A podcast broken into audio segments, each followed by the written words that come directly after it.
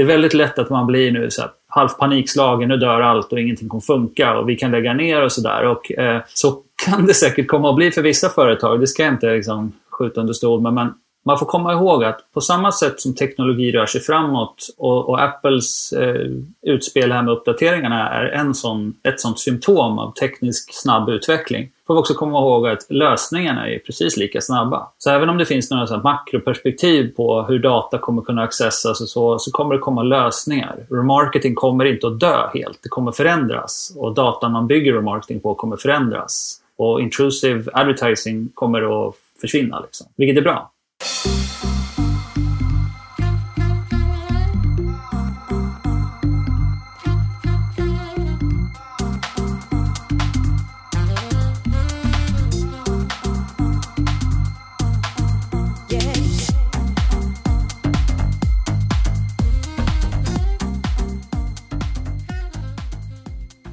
Välkommen tillbaka till Digital marknadsföring med Tony Hammarlund. Det här är en podd där jag intervjuar branschexperter och marknadsförare för att lära mig mer om digital marknadsföring. Mitt mål med podden är att bli en bättre marknadsförare och samtidigt dela med mig av intressanta samtal med några av Sveriges bästa marknadsförare.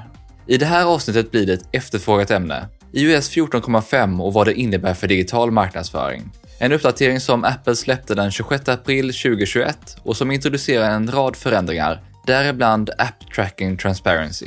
Men vad innebär det här i praktiken och vilka kanaler och taktiker är det som påverkas? För att svara på det så bjöd jag in en trio från tillväxtbyrån HYP. Magnus Lundin som är grundare, samt tillväxtspecialisterna Adrian Wynn och Rickard Ardén med fokus på SEM respektive Paid Social. De ger med sina olika perspektiv en bra bild av vad uppdateringen innebär både strategiskt och rent taktiskt i olika kanaler. Och vad du måste göra såväl tekniskt som strategiskt om du inte redan har gjort det.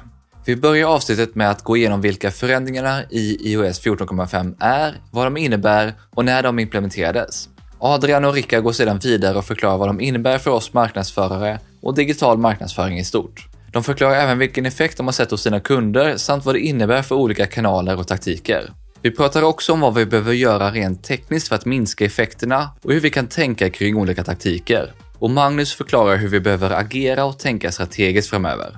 Du får dessutom höra vad många marknadsförare missar, hur iOS 14,5 påverkar retargeting och vikten av att nu följa best practice. Som om det inte vore nog så berättar Magnus om iOS 15 och vad det kommer innebära för digital marknadsföring när Apple introducerar bland annat en VPN och blockerar pixlar i e-post. Du hittar som vanligt länkar och andra resurser vi nämner i poddenläget på tonyhammarlund.io plus ett par bra resurser om best practice för olika kanaler, så du behöver inte anteckna. Efter länkarna i poddenlägget så hittar du även tidsstämplar till olika sektioner i intervjun. Innan vi kör igång så vill jag även passa på att presentera Queenslab som är med och sponsrar podden. Queenslab är en snabbväxande konsultbyrå som hjälper företag med utveckling, UX och design och numera även med digital marknadsföring med mig i spetsen. Så kolla gärna in oss på queenslab.se och hör av dig om du vill snacka mer och följ oss gärna på LinkedIn. Nu kör vi igång avsnittet. Adrian börjar med att berätta om de förändringar som introducerades i iOS 14,5 i april 2021 och vad de innebär i praktiken.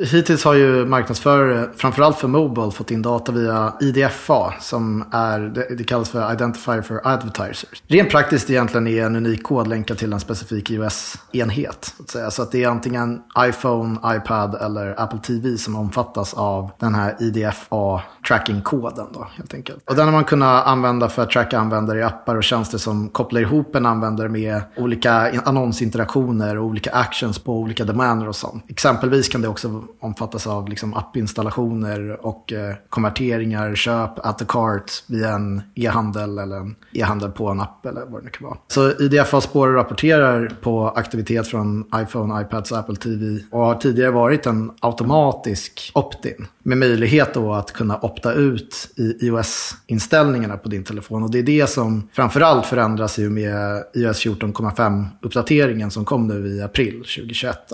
I och med App Tracking Transparency, förkortat ATT som man stöter på mest, då, kommer användare som uppdaterat till iOS 14.5 få en aktiv uppmaning nu att antingen tillåta eller förbjuda appen från att samla och dela personlig användardata som då samlas i, inom det här IDFA-koden liksom, som är kopplad till din enhet. Och ATT i stort är ju utöver det här också ett ramverk av förhållningsregler från Apple på vad och hur man trackar användare på Apple-enheter. Så att den riktar riktas främst då till den vars applikation på iOS vill lagra och dela just data mellan appar och webbplatser med IDFA-koden. Och det är väldigt många appar som, som vill göra det.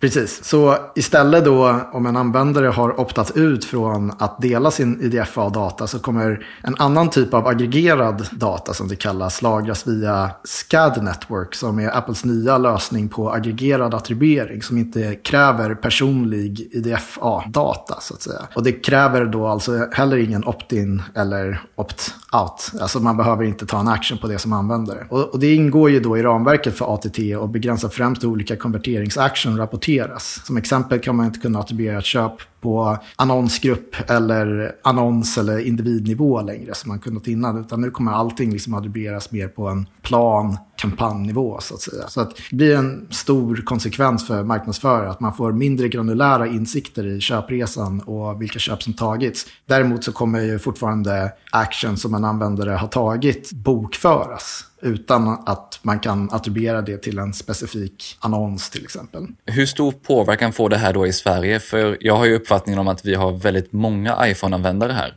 klar majoritet av alla smartphone-användare använder ju iPhone i Sverige. Och det, det, blir lite intressant egentligen att kolla på just vilken marknad man är verksam på som, som aktör, som företagare. Uh, för att så här ser det ju inte ut i hela världen. Det här kommer ju få ett större genomslag i Sverige på grund av att majoriteten av alla smartphone-användare har iPhones då, men i andra länder, skulle kunna ta, kunna ta Indien till exempel, där använder ju nästan över 80% Android-telefoner. Att... Och sen är det viktiga, det är också hur många det är som faktiskt optar in eller ut då från att bli spårade. Ja, precis. Så är det ju. Och eh, i det här fallet så eh, beräknas det beroende lite på vilket segment man är verksam inom. Så har man ändå kunnat generalisera att nästan bara 5 till max 20 procent kommer opta in för att bli trackade. Så att eh, en klar majoritet kommer ju opta ut. Om, om man ska se till hela då smartphone-segmentet i Sverige där iPhones har en, ett klart övertag över, över Android så om minst 80 procent av alla dem optar ut från att bli bli trackade online så kommer det ju ha stora konsekvenser. Men, men såklart beroende på liksom, vilka kanaler som är viktiga för dig som företagare och eh, vilken typ av data som du går på helt enkelt. Jag gjorde ju en liten undersökning på LinkedIn för någon vecka sedan här för att se lite hur många marknadsförare som faktiskt har koll på de förändringar som sker. Och det var ju knappt 30% som faktiskt hade både koll på det och har gjort någonting åt det enligt undersökningen. Så vad är er erfarenhet? Hur bra koll har svenska marknadsförare idag? Hej, jag heter Magnus Lundin och jag är grundare på HIP. Jag jobbar väldigt mycket med eh, våra produkter, utvecklar dem och ser till så vi ska ligga långt fram i innovationsfaktor. Det största misstaget som jag tror man gör är att man inte ser hela bilden. Alltså att man kanske zoomar in lite för mycket på de enskilda detaljerna, enskilda uppdateringar och då hela tiden lagar man det som ligger framför foten. Och det är klart man behöver göra det, men till slut så står man där vid nästa steg och så är det något annat man behöver laga.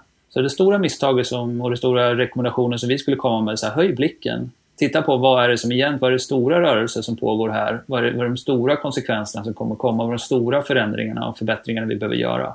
Och eh, det, det sammanfattar nog det stora misstaget som jag tycker många gör. Sen är det ju, anledningen till att vi sitter i den här podden idag är ju bara vår kanske starka reaktion på hur extremt få det var i din undersökning Tony som, som hade koll på det. För då har man ju inte ens koll på det som är trasigt framför fötterna. Och då har man ett dubbelstort problem. Din observation får väl också säga att det är nog väldigt många som inte ens har koll på taktiken och detaljerna i det. Och det hoppas vi kunna bringa lite klarhet i den här podden.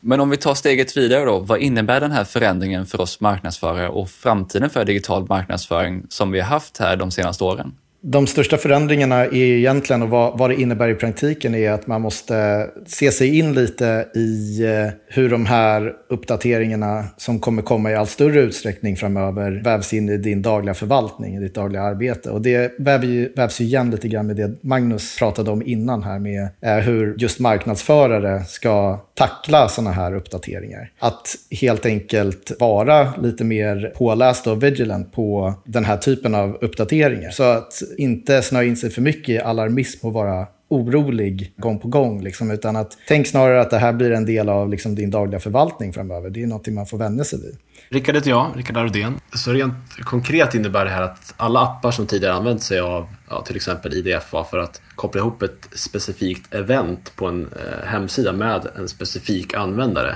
inte längre får göra det om användaren har iOS 14,5 och har optat ut. Då. Så det innebär i sin tur att dina så kallade custom website audiences, det vill säga målgrupper som är baserade på användares olika actions på din hemsida, de kommer bli mindre då iOS 14,5-användare inte längre får vara med i den här målgruppen. Om man ska ta ett konkret exempel och utgå från till exempel Facebook och dynamiska produktannonser. Så om en iOS 14,5-användare som optat ut från spårning eh, lägger till en specifik produkt i varukorgen på din hemsida men eh, inte köper den, då har du inte längre möjlighet att visa just den specifika produkten i en dynamisk annons för att få användaren att eh, slutföra sitt köp.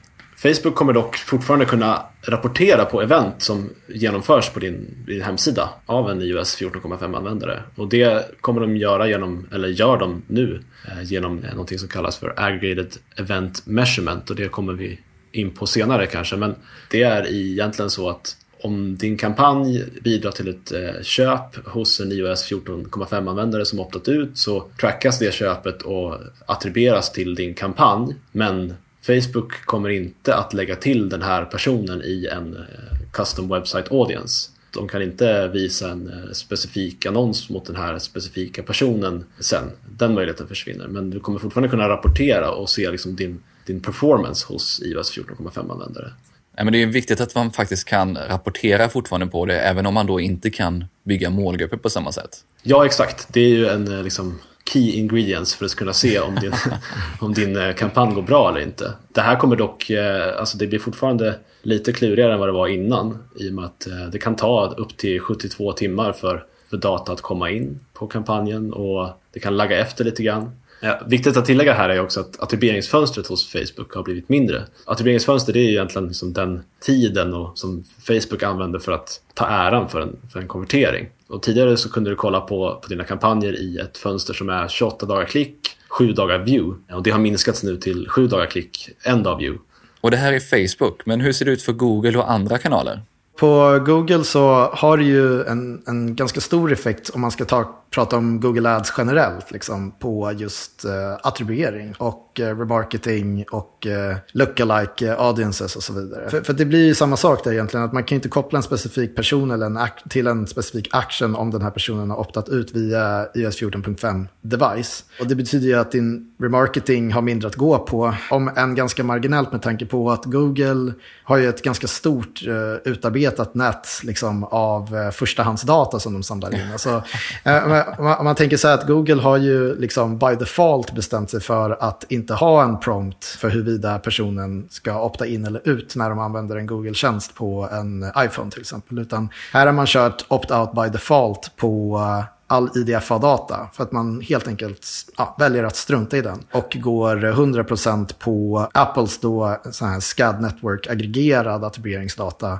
Som inte kräver liksom, att man identifierar användaren eller dens enhet så att säga. Där kommer det ju liksom ha störst inverkan på annonsformat, via, alltså UAC till exempel, Universal App Campaigns då, som riktar sig främst mot liksom, ja, men app installs, eh, alltså in-app eh, purchase och sådana saker. Och framförallt kanske då mot iOS-enheter. Där blir ju den stora inverkan egentligen att de insikter du kommer kunna få, eller tidigare kunnat fått från till exempel gamla Google Analytics och sånt där. Det kommer ju förändras, så att du måste ju ställa om då till någonting som Google har rullat ut nu som är Analytics for Firebase. Som egentligen har skapats för att kunna förhålla sig Eh, rätt och riktigt då till det här SCAD Network som eh, Apple har släppt i samband med det här. För att just kunna förhålla sig till grundkraven som Apple har ställt upp på vad och hur du får tracka och hur du får attribuera eh, actions. Det andra då, det gäller ju liksom om vi går tillbaka till hur det här påverkar just remarketing i stort och alla andra annonsformat som finns på, på Google. För att du kan ju förvalta väldigt många olika liksom, annonsformat över ganska många olika nätverk på display, video, eh, också sök, så kan man ju se att, att remarketing har mindre att gå på, vilket betyder att dina remarketinglistor eh, kommer ju förmodligen att krympa lite mer. Och här beror det ju på liksom hur pass drivande din marknadsföring via Google är via just remarketing eller lookalike audiences. Så den stora inverkan här blir ju egentligen att du kommer inte kunna följa kundresan lika granulärt. Utan om du kör datadriven attribuering till exempel så kommer den algoritmen inte kunna attribuera en andel av äran för ett köp till ett upper funnel-initiativ på via en displaykampanj till exempel. Utan då kommer den bara attribuera allting till sökannonsen som var drivande för den konverteringen. Men en praktisk effekt av det här som man har kunnat se också, det är ju att även om konverteringsandelen för dina displayannonser då till exempel går ner så går den upp lite grann för dina sökannonser eh, proportionerligt. Så att eh, det, det är inte så farligt än så länge i alla fall. Även om du är expert på just Google Ads, så hur ser det ut för andra kanaler? Ja, det är, alltså, Rickard brukar ju säga här att eh, andra kanaler, det är lite som en sämre, mer eh, liksom, avskalad version av Facebook. Så och det, det, är väl, det, och det blir väl lite så. Liksom. Alltså att, eh, för att där så använder de flesta kanaler som inte är, är Google är ju liksom just push-kanaler. Det vill säga att man, man använder ju remarketing och eh, lookalike data för att hitta personer som algoritmen har tänkt vara mottagliga för det som du vill kommunicera eller sälja. Eller, så att alla kanaler egentligen påverkas likadant av det här. Ska ta LinkedIn till exempel, så de kommer inte heller ha tillgång till IDFA-datan för folk som har optat ut från att bli trackade via sin iPhone till exempel. Så att målgruppsinriktning på eh, LinkedIn kommer ju liksom påverkas likadant som, som på Facebook. Och där bör man ju tänka likadant, att man får följa de råd och rön som släpps just nu för att kunna ta del av den data som, som finns också. Och så får man ju samtidigt hålla i huvudet att även om en stor andel av alla smartphone-användare i Sverige använder just iPhone så är det ju långt från alla och sen så eh, har du ju utöver det också en hel uppsjö av liksom, stationära datorer och laptops som folk sitter på också. Så, att, eh, plus den förstahandsdata som plattformen i sig kan generera. Så att det finns fortfarande en stor andel data att gå på om man är liksom driv, alltså om ens verksamhet är drivande via just remarketing-data. Så att eh, där, där, krävs det ju också att man har lite is i magen och inte får panik utan att man ändå ja, tar det lite chill. Ja, men det är väl någonting som är väldigt viktigt att ha i åtanke när man läser om allt det här och när man lyssnar på det här avsnittet också, att det här är inte slutet för digital marknadsföring, det är bara för iOS-användare och det kommer komma lösningar, men de finns inte så bra just nu. För det här är ju väldigt tekniskt komplext det här som händer nu, så vad ser ni att många marknadsförare missar eller missförstår kring det här? Det blir väldigt komplext ganska snabbt. För till exempel, vad är det som påverkas? Kommer jag inte kunna få ut någon data ur en eh, iPhone-enhet överhuvudtaget till exempel. Även om du kommer från en iPhone och surfar in på min sida via Safari, liksom, gör, är iOS 14.5 någonting som påverkar det? Så här? Nej, det är det inte. Det är app-accessen, IDFA, alltså den, den unika identifieringsdatan som finns i varje iOS-enhet. Det är den som begränsas till appars access till den. Men här, här blir det då komplext och lite stökigt för att då finns det andra protokoll som begränsar access och data via till exempel Safari som ni har ett tidigare avsnitt om, som till exempel ITP. Då. Så det, det är rörigt och eh, jag tycker då fortsatt är nog vår ståndpunkt så här. Det kanske inte är det här som man behöver förstå heller precis i detalj. Man kanske bara behöver förstå lite mer de stora penseldragen, eh, mer än de enskilda protokollen. För det, det, blir lätt väldigt komplicerat. Det är väldigt lätt att man blir nu så här, halvt panikslagen, nu dör allt och ingenting kommer funka och vi kan lägga ner och sådär. Och eh, så kan det säkert komma att bli för vissa företag. Det ska jag inte liksom, skjuta under stol med. Men man får komma ihåg att på samma sätt som teknologi rör sig framåt och, och Apples eh, utspel här med uppdateringarna är en sån, ett sånt symptom av teknisk snabb utveckling får vi också komma ihåg att lösningarna är precis lika snabba. Så även om det finns några så makroperspektiv på hur data kommer kunna accessas och så, så kommer det komma lösningar. Remarketing kommer inte att dö helt, det kommer förändras. Och datan man bygger remarketing på kommer förändras. Och intrusive advertising kommer att försvinna, liksom. vilket är bra data kommer ju fortsätta slagra på dig, det är bara att den segmenteras i olika, liksom, de låses in inom olika segment så att säga. Och vad det rent konkret då innebär utifrån då till exempel Facebooks perspektiv blir ju just att du går online, du surfar på saker, eh, du, kommer liksom att trackas genom förstahandsdata som till exempel en GTM-tagg skulle samla in via dig. Liksom. Det är bara det att Facebook då i exekutivt läge när du väl går in, när du byter applikation från till exempel Safari till Facebook och går in på feeden, så kommer inte Googles remarketing-algoritmer kunna ta del av den data som har samlats via Facebook-pixlar via browsern. Då. Men sen tåls det ändå att säga att det, det, finns ju såklart då lågt hängande best practice, basic-saker som man bör få på plats, eller borde ha fått på plats redan får man väl säga, för ett gäng månader sedan. Och, och, och det kan man göra. Så har man inte gjort det så kan man ticka undan sig en liten gnutta panik. Det är nog bra. Vilken konkret effekt har då alla de här förändringarna fått för de kunder och case som ni arbetar med? Ja, alltså jag kan inte nämna specifika kunder men generellt så påverkar det ju såklart det företag där iPhone och iPad är en majoritet av trafiken till hemsidan. Eller liksom där majoriteten av kunderna använder den typen av device. Och för de här kunderna, kanske speciellt för e-handlare, så blir det ju inte längre möjligt att ha samma kraft kanske i eh, dynamisk produktannonsering på Facebook till exempel. Som helt och hållet bygger på att du kopplar samman ett specifikt event på hemsidan som personen har gjort med en ja, specifik person. Så om någon person då till exempel går in och lägger till en produkt i varukorgen men inte slutför sitt köp så har inte Facebook möjlighet att visa den specifika produkten för den specifika personen längre i en dynamisk produktannons i retargeting. För dessa kunder så sedan en tid tillbaka så har ju vi behövt se över våra funnels och se till att vi inte är alltför beroende av just den här typen av retargeting-kampanjer. Där har vi istället stärkt upp vår prospektering. Det är viktigt här att, att också jobba holistiskt och se flöden från flera kanaler. Så till exempel för att bli ännu vassare i vår prospektering på, på Facebook så tar jag insikter av Adrian liksom i, i sökbeteendet på Google och anpassar materialet i, i vår prospektering utefter sökbeteende helt enkelt. Hur gör ni det?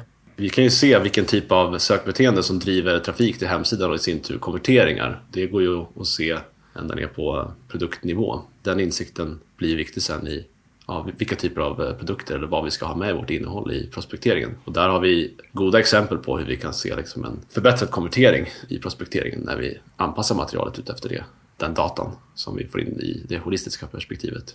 Vilka andra effekter såg ni att den här förändringen skulle kunna få för den här typen av kunder? Generellt sett så kan man väl säga att på, på Google-sidan i alla fall så är det ju just att konverteringsandelen för liksom mer så här upper funnel-initiativ, vad man nu vill kalla det för, har, har ju minskat. Liksom. Dels att datan man får in från användare som, som använder sig av just eh, iOS-enheter som iPhones och iPads, den andelen har ju liksom minskat. Och, och det är ju någonting som så oavsett om det är en e-handel eller en annan typ av verksamhet så förutsatt att man bedriver den sortens upper funnel-initiativ på Google via till exempel display och video så kommer man se ungefär samma effekt. Så att det är inte så stor skillnad. Som Rickard var inne på där, att man har ändå kunnat dra lite insikter från Google för prospektering på Facebook nu när det sker en omställning från att vara lika beroende av remarketing. är ju just det att eh, Ja, men att eh, Google är ju en, liksom, en pullkanal. Alltså, vi kan ju dra in insikter via sök. Alltså att Google har ju en fördel där att man har väldigt mycket liksom, förstahandsdata bara genom den sökstatistik eller den sökdata som bokförs i Google Ads Analytics och vad det är. Och att därigenom då, så om man är en e-handel då till exempel och kränger produkter, Eh, rena, liksom, rena och skära produkter, då kan vi ju, kan ju vi se liksom både i våra feeder men också i eh, den kontouppsättning som vi har liksom, på Google Ads, de produktkategorier man har valt att skjuta på. Det är ju liksom där också som man kan se vad som, vad som går bra, vad som går mindre bra och så vidare. Och att just i det här fallet när vi pratar om synergi mellan Google och Facebook och hur viktig den kommunikationen egentligen blir i ett sånt här läge när Facebook är mycket mindre att gå på. Det är ju liksom, jag tror en av de viktigare delarna i det här, liksom, att se över sina egna liksom, isolerade gränssnitt och snacka lite sinsemellan och dra insikter från varandra. Liksom. Jag kan flika in att på Facebook så det, det håller ju på att rulla ut nu iOS 14,5, 14,6. Så att vissa kunder där vi har övergripande Android-användare och eh, så finns det de där vi har övergripande iPhone-användare. Och där kan jag tycka mig se ett skifte om man tittar då på liksom DPA-annonsering som är det som påverkas mest egentligen så kan, kan man eh, i vissa fall se ett skifte där i performance liksom från remarketing till prospecting i alltså dynamisk produktannonsering. Att vi ser en bättre ROAS liksom, på vår prospektering. Man bör ju redan ha gjort någonting åt det här, men om man inte har det, vad kan vi då göra och vad bör vi göra för att tekniskt motverka effekterna av det som händer här? Ja, alltså om du eh, sitter i eh, Facebooks gränssnitt och jobbar så har du säkert stött på en, en hel del tekniska förändringar som sker eller som har skett. Så det gäller ju att, att, följa Facebooks alla best practice egentligen. Och det gäller ju egentligen alla, alla liksom interface och verktyg och appar och kanaler som du använder för, för att marknadsföra. Men om vi tar Facebook som utgångspunkt så finns det något som heter Authenticate your domain där man, man går in och claimar sin domän i Facebook Business Manager eller sina domäner eller appar och sen så har, du, har de eh, rullat ut någonting som heter Aggregated Event Measurement, AEM. Det bygger på att du har claimat din domän och sen så under din domän så har du prioriterat dina event, add to cart, purchase och så vidare och lagt dem i en rangordning under den domänen. Och det gör att den här lösningen, det är lite av en, en blackbox som Facebook inte riktigt förklarar exakt hur de gör det. Men eh, de, de, får inte längre koppla ihop ett specifikt event med, eh, med en specifik person som har en iPhone och har optat ut. Dem. Men tack vare Aggregated Event Measurement så kan de i alla fall bokföra det senaste högst prioriterade eventet som, som den här iPhone-personen har, har gjort på din, din hemsida. Då. Det eventet är det som skickas från Apple till Facebook, även från iOS 14,5-användare. Och det hjälper ju som sagt att rapporterna ser rätt ut, men det hjälper ju inte än att bygga några retargeting-målgrupper då.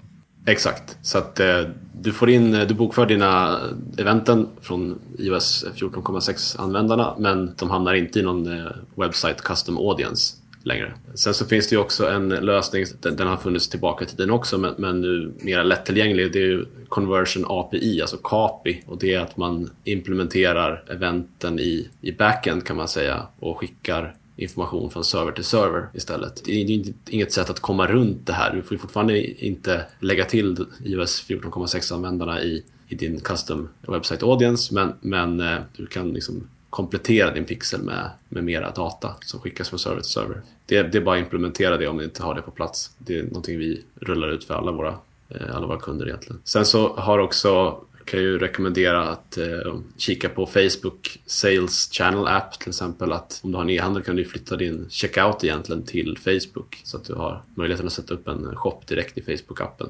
Det blir också viktigt att kolla på attribueringsfönster om du inte redan gjort det. Sen ska du kolla tillbaka historiskt på din data i olika attribueringsfönster och jämför dina CPA-nivåer och se vart de ligger idag liksom, så att du inte får en chock när du bara för att du har bytt attribueringsfönster. Så det gäller att hålla koll på din attribuering. Det, det, ska man ju egentligen alltid göra. Man ska titta på kampanjer i flera attribueringsfönster och se så att de inte sticker iväg i något fönster liksom, och presterar jättebra kanske bara på view. Det är jättemånga som ser dem men det är ingen som klickar på dem. Och sånt där, så det är verkligen en rekommendation. Alltså det är ju några saker som jag rekommenderar att man eh, tar action på i, liksom i, för Facebook då, egentligen.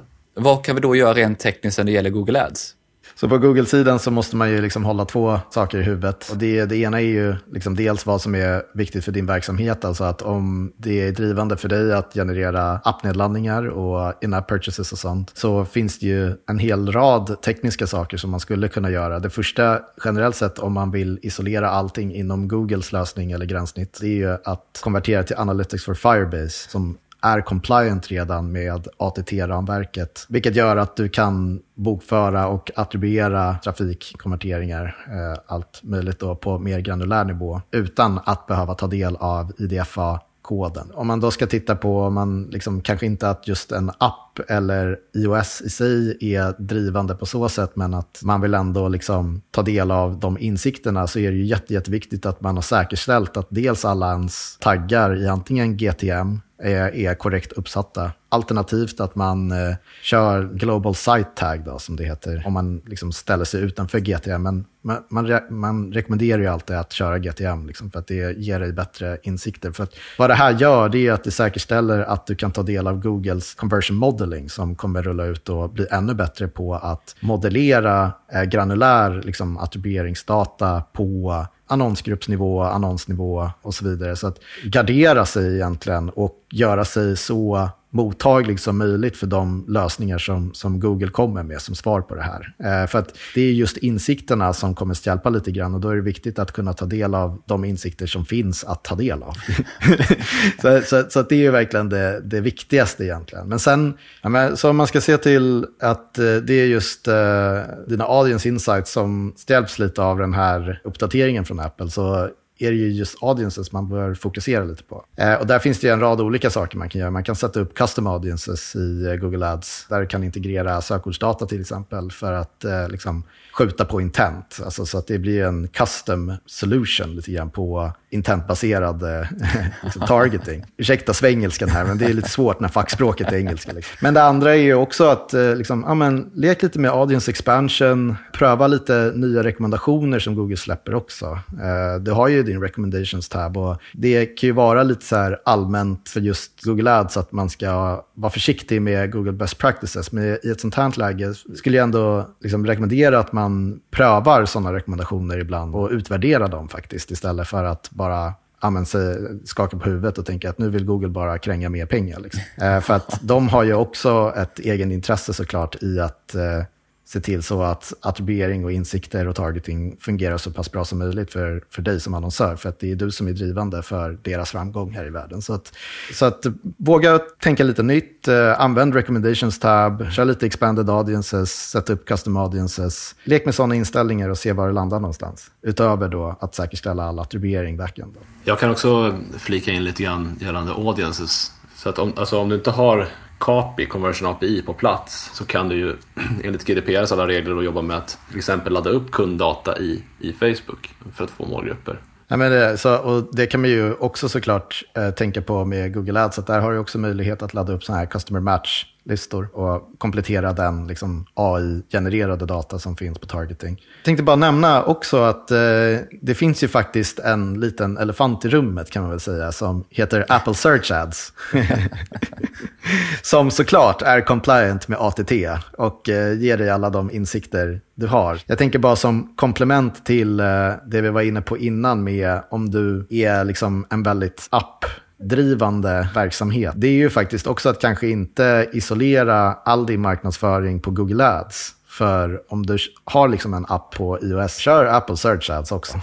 liksom, och ta, ta, ta del av den plattformen och alla fördelar som kommer med det. Med att Apple då har liksom, ja, men isolerat sin data och kan attribuera på granulär nivå utan problem. Och du behöver inte tänka på Firebase och sånt. Så att det kan ju också vara en grej att ha i huvudet. Liksom, att skulle du kunna fortsätta skjuta på Android till exempel via Google Ads. Men sen börja migrera över till eh, Search Ads lite grann och utvärdera liksom, den plattformen men man ska ju tänka nytt samtidigt som man stryker medhårs lite här på vad Apple egentligen är ute efter. Man börjar liksom se så här, ja, mm, okej okay är, det, är det här det landar någonstans? Men de vill ju skydda din integritet, Adrian. Ja, men precis. Ja, jag känner mig väldigt skyddad. ja, vilken överraskning att de själva uppfyller alla krav de själva ja, ställer. Exakt. Ja, det är fantastiskt. Liksom. Det är så convenient. så att, eh, ja, vet, ja, men pröva det i alla fall. Men då kommer vi också in på det här med andra kanaler. Apple Search kan vara en sån. Hur ser det ut för andra kanaler? Finns det någonting man behöver göra där rent tekniskt?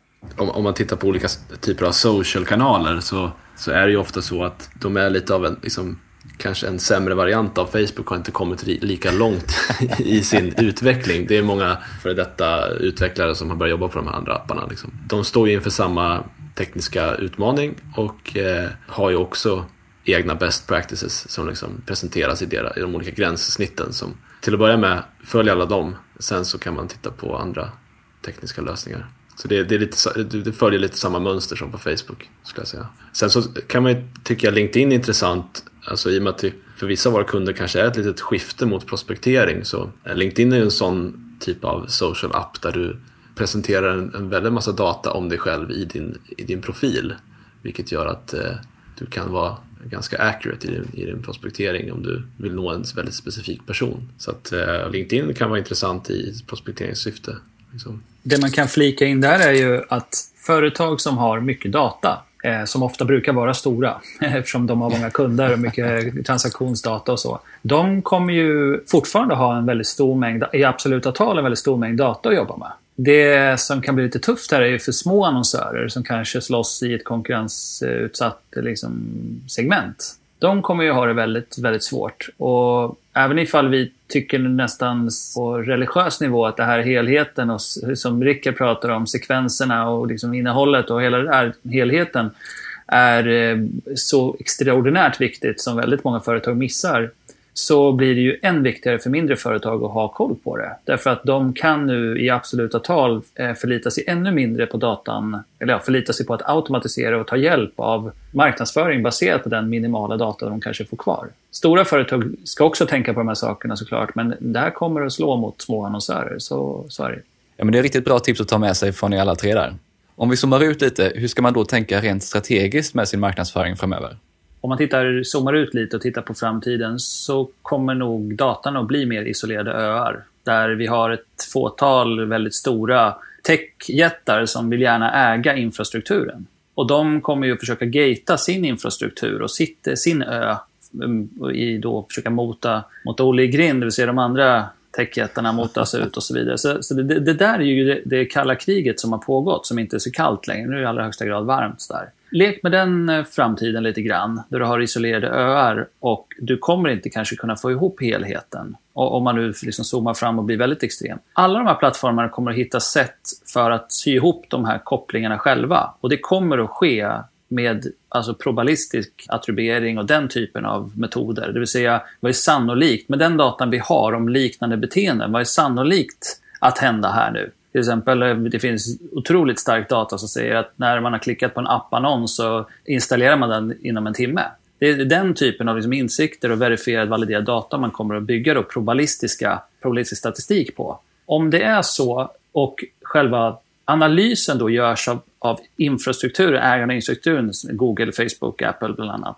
Eh, Amazon kommer i allra högsta grad vara en, en av de här pjäserna också. Då kanske man behöver inse att eftersom vi inte har access till varken rådatan, beräkningsmodellen eller förståelsen för vilka datapunkter som ens tas in i den här modellen, då vare sig man vill eller inte sitter man lite i knät. Och då är det ju intressant att börja prata, vad är då egentligen, vilken attribution kan man egentligen kontrollera och ha koll på själv?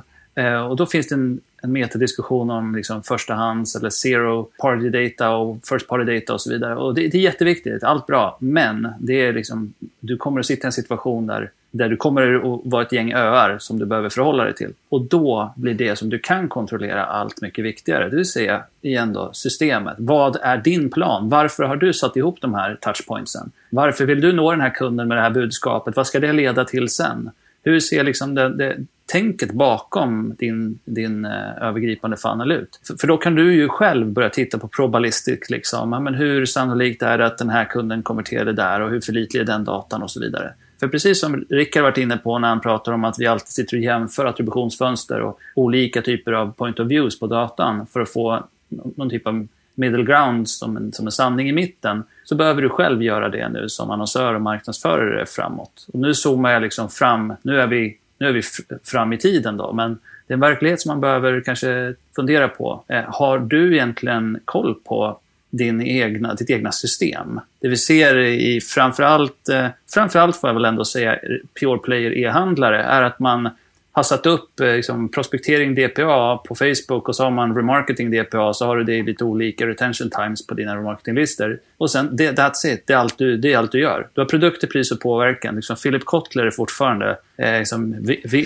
de, de, kungen i, i, strategin. Då kommer man att ha problem. Det, det bara är så. Och, och jag lägger det då till iOS 15 som, vi kanske, som släpptes häromdagen, som vi kanske kommer in på lite snabbt i slutet på det här avsnittet, där din e-post och hela din CRM-verklighet påverkas som Pure Play-handlare, då har du ännu större problem. Så tänk igen, att tänka, att tänka system. Så här, varför gör vi det här och vilken touchpoint hänger ihop med vilken? Vad är vi, vad är vi, hur, hur masserar vi kunden genom köpresan? Vad är, vårt, vad är vårt tänk, vårt system bakom det här egentligen? Den strategiska insikten behöver man ta till sig nu och kanske borde ha tagit sig till lite tidigare också för en del.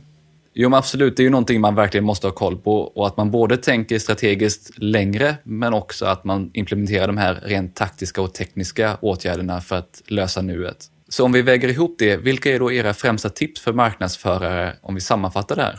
Ja, men till att börja med så alltså, tänk igenom helheten och din funnel och fokusera på den datan du har och sitt lugnt i båten för det är ju egentligen bara ett specifikt gränssnitts möjlighet att eh, presentera data som, som eh, försämras. Så att kolla på helheten och din faktiska försäljning till exempel. Sen är det ju viktigt, som jag nämnt tidigare, att följa alla best practice i varje kanal. Eh, och för Facebook då, är det till exempel att eh, authenticate your domain, aggregated event measurement, conversion API, Facebook Sales Channel App Eh, och det här är ju för att säkerställa så mycket data som det bara går. Sen så är det viktigt att titta på din data och jämföra den liksom innan iOS 14,6 uppdateringen och efter i olika attribueringsfönster. Så att du ser, håller koll på dina olika CPA-nivåer i olika attribueringsfönster. I och med att de har förändrats nu. Ja men precis, alltså att eh, grunda dig så att du kan ta del av all fin liksom, konverteringsmodellering och sånt som eh, eh bland annat Google kommer släppa i allt högre takt. De har ju redan börjat rulla ut det och det har ju redan gett utslag. Liksom. Det är bara att de siktar in sig ännu mer på just iOS nu och lösningar där. Så att eh, där blir det ju viktigt då att liksom, ja, men vara upptaggad via GTM eller kör Global Site Tag. Och, och att i själva gränssnittet, ja, men, lek med, med custom audiences. Eh, kör på lite recommendations och validera dem. Migrera kanske vissa initiativ i din online-marknadsföring till Apple Search Ads för att ja, ta del av ramverket utan att behöva liksom, gå via Google eller några, några andra mellanhänder som ska försöka liksom, play the system. Utan gå direkt till källan så att säga. Eh, och också kör datadriven attribuering eh, så att du kan liksom, sprida de insikterna som kommer in så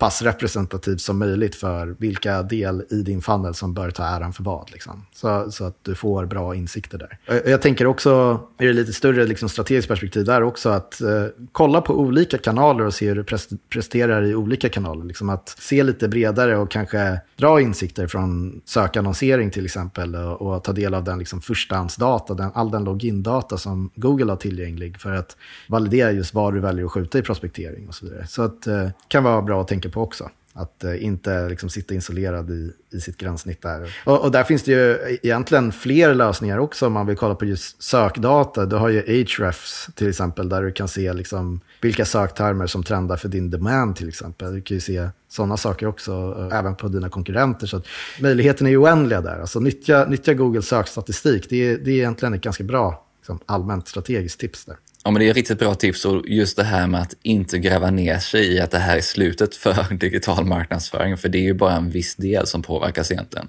Ja men verkligen är det så. Och sen så är det ju så att eh, alltså, jag sitter ju extra lugnt i båten här egentligen som sitter på Google. För att det, eh, vi, vi har pratat om vad det har haft för, för uh, inverkan på, på Google Ads och så vidare. Och det är klart att det har ju haft ett genomslag. Men det är inte lika stort som på Facebook. Så om du sitter där ute och bara kör Google Ads så kan du sitta extra lugnt, så att säga. ja, nej, men man måste acceptera lite mindre precision i varje gränssnitt nu. Och så får man ju fokusera ännu mer på det fundamentala såklart. Att ha bra content, ha bra copy, funnels helhet blir viktig. Och kanske jobba med flera touchpoints, sekvenser och soft buy-ins och lead-generering och liksom Tre sista konkreta tips. Sen tycker jag ett väldigt smart konkret tips det är se till att du skapar en översättningstabell mellan tidigare attributions Eh, modell, det vill säga tidigare data. Du har haft mycket mer data nämligen, framförallt i Facebook då, som har drabbats hårdast, eller som kommer att drabbas hårdast när det här rullas ut fullt. Hur har översättningen mellan 28.1 och 7.1 sett ut till exempel? För då kan ju du skapa en lite, om en väldigt enkel då, modell för probabilistic. Liksom. Hur ser översättningstabellen ut? För det, det 7.1 är en ganska hård kapning av eh, attributionsfönster jämfört med 28.1. Så igen, för att inte få panik och titta på, det kanske är så att det funkar lika bra, men eh, det är mätningen som, som är problem. Så överoptimera inte på en data som kanske inte stämmer helt. Då. Det andra tipset tycker jag handlar om, också väldigt mycket riktat primärt till, till e-handlare som är lite sådär end of funnel-fokuserade primärt. Man, man har en annons som ska leda till köp och det, man har en konvertering som man jobbar emot och det är purchase. Se till så att du börjar tänka i mikro och makrokonverteringar. Eh, om du nu har åtta events på Facebook att jobba med, se till så du har alla dem och att du har en mätplan och att du har en, en KPI-plan som, som faktiskt har mikrokonverteringar i sig. För, och inte bara för att du redan borde ha det och optimera mot olika typer av events och mikro och makrokonverteringar. För att eh, mängden makrokonverteringar, det vill säga purchases, kommer att vara betydligt färre ju konverteringsgraden för ett makrokonvertering är mycket mindre, så du får ju mindre data automatiskt på, ett, på det event du kan mäta. Så det är jätteviktigt att bara diversifiera. Det andra är att det kommer bli svårare för plattformen att attribuera en mikro eller en makrokonvertering, ett event, mot en enskild användare. Så det kommer bli lite det kommer bli lite svajigt där. Och då är det väldigt viktigt att du har mikrokonverteringar som du mäter emot. Så två slutliga tips, inte tre. Ja, men det är riktigt bra tips av dig där, Magnus. Och jag tänkte också avsluta, för det är ju inte nog med att Apple har lanserat iOS 14,5, alla de här förändringarna vi har pratat om idag. För nyligen så presenterade de också iOS 15 och allt det som kommer att hända där. Så jag tänkte att ni kanske kan berätta lite mer om vad det är för förändringar som komma skall, så att säga. Att Apple släpper en uppdatering under pågående planering av det här poddavsnittet tycker jag skickar ganska tydligt signalvärde i att här, stå inte för tungt med en fot på en liksom, taktisk plats. Det är inte det som är framgången. Det kommer bli jätte, jättejobbigt. Saker kommer gå sönder och förändras precis hela tiden. iOS 15 släpptes den 7 juni. Så väldigt nära in på den här eh, planeringen och den här sessionen som inspelas nu. Och det är på samma linje. Det är liksom, nu, nu blir det kalla kriget varmt. Nu, nu gör de en del större saker som, som påverkar. Och, och eh, nu har de liksom tagit sig ut ur det subtila, de här liksom subtila skotten mot varandra, nu, nu är de väldigt, väldigt uppenbara. Och det som jag tycker kommer fram i iOS 15, jag kan sammanfatta de stora eh, släppen som, som har kommit då strax här, men det som sammanfattar den röda tråden mellan det här, som också tror jag kanske kan ge lite badwill och, och hjälpa människor att få fram den där nyktra bilden av varför Apple gör alla de här sakerna, är att nu är den kommersiella kopplingen väldigt tydlig. Så de har börjat att släppa privacy-tjänster som de nu bygger in i iCloud Plus, alltså man kan betala för att få eh, vissa saker. Och eh, det, det, igen, det, är bara, det här är bara en taktisk förändring i, i klivet mot att skapa en, en gated community av, av, infrastruktur för att man kanske har börjat tappa på vissa delar. De äger ju hela appvärlden i princip, eller 50 av den i alla fall, men har tappat på andra delar. Då. Bland annat så kliver de in i då, liksom privacy-spåret eh, med att släppa en, en, en egen VPN eller en egen Trafikanonymiserare kan man väl översätta en VPN till. I princip du surfar via ett relä. Och de har till och med tagit det så pass långt att deras VPN bygger inte bara på ett relä utan dubbla reläer. Det vill säga du surfar via två stycken din trafik är helt anonymiserad mer eller mindre. Och de i sin kommunikation vill de ta det så pass långt att de vill till och med göra det så svårt och så säkert att de själva eller till och med hårdvaran i sig inte ens kan få access till till exempel din browser history och så vidare. Men givetvis så är ju det här då någonting som de bakar in i en produkt och eh, som, som det finns en kommersiell koppling till får man komma ihåg. De stora drakarna är ju inte sen på. Eh, Google håller ju på och jobbar på typen samma sak. De kallar den för willful IP blindness. Igen, det här handlar ju om att göra det väldigt svårt för andra att få access till din infrastruktur. Och eh, Google kommer göra det också. Igen, det ser det mer som isolerade öar där utbytet av data kommer att bli mer isolerat helt enkelt. Då.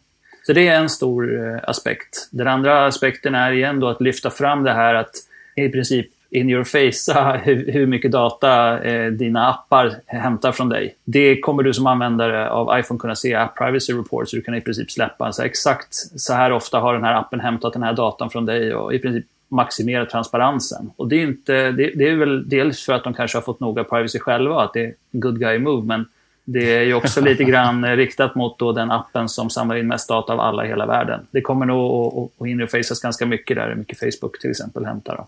Ja, sen är det ju en uppdatering som jag verkligen reagerade på och det är väl kanske det du kommer in på nu, men det är ju hur de kommer hantera e-post. Ja, och sen är det ju ett massivt släpp. I alla fall, och här tycker jag det då är viktigt att titta på, så ett tekniskt släpp har precis gjort som skapar ett problem, men de tekniska lösningarna har ju ännu inte hunnit släppas.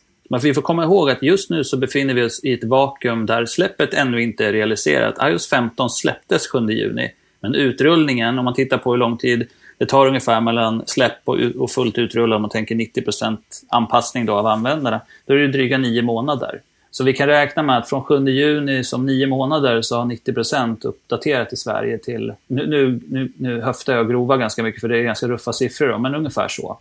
Eh, så det här, är, det här är ett framtida problem. Det är inte nu, ni behöver inte panika och liksom stäng ner e-postmarknadsföring och sådär. Eh, men i sak så betyder det att på samma sätt som browsern hämtar in data via en pixel och, och Apple nu eh, med iOS 14.5 gör det väldigt svårt att accessa den datan så gör de nu även det på e-post. Sättet som e-post eh, marknadsföring brukar fungera är att man lägger in en liten minipixel som då mäter öppningsgrad eller klickfrekvens eller vad det nu var. Den datan kommer du inte kunna accessa. Och det är ju i sak då rent teoretiskt en helt galet stor förändring. För då vet du inte, du vet inte hur många som har öppnat din e-post som du har skickat. Men det kommer att komma lösningar på det här. Vilka de lösningarna är, det vet vi såklart inte. Men e-post är liksom inte dött för alltid. Jättestor eh, förändring. Man kan sammanfatta hela, det här, hela den här trenden med att användardata som sker på client-side, det vill säga om du skickar någonting till mig och jag tittar på det på min dator i min mjukvara, då ska inte du få ta del av det. Det är ungefär vad liksom hela tekniska logiken bakom det här är. Och det är därför som server-side och så vidare som de andra gänget här har pratat om tidigare är så viktigt att titta på. Så det kan vi väl säga om det, att eh, det är en jätte, jätte, jättestort släpp, en öppen markering. Det är, eh, det är absolut en, det är inte ett kallt krig längre på det sättet. Då. Äh, nu blir det snarare ett fullständigt öppet krig när man går ut på det här sättet.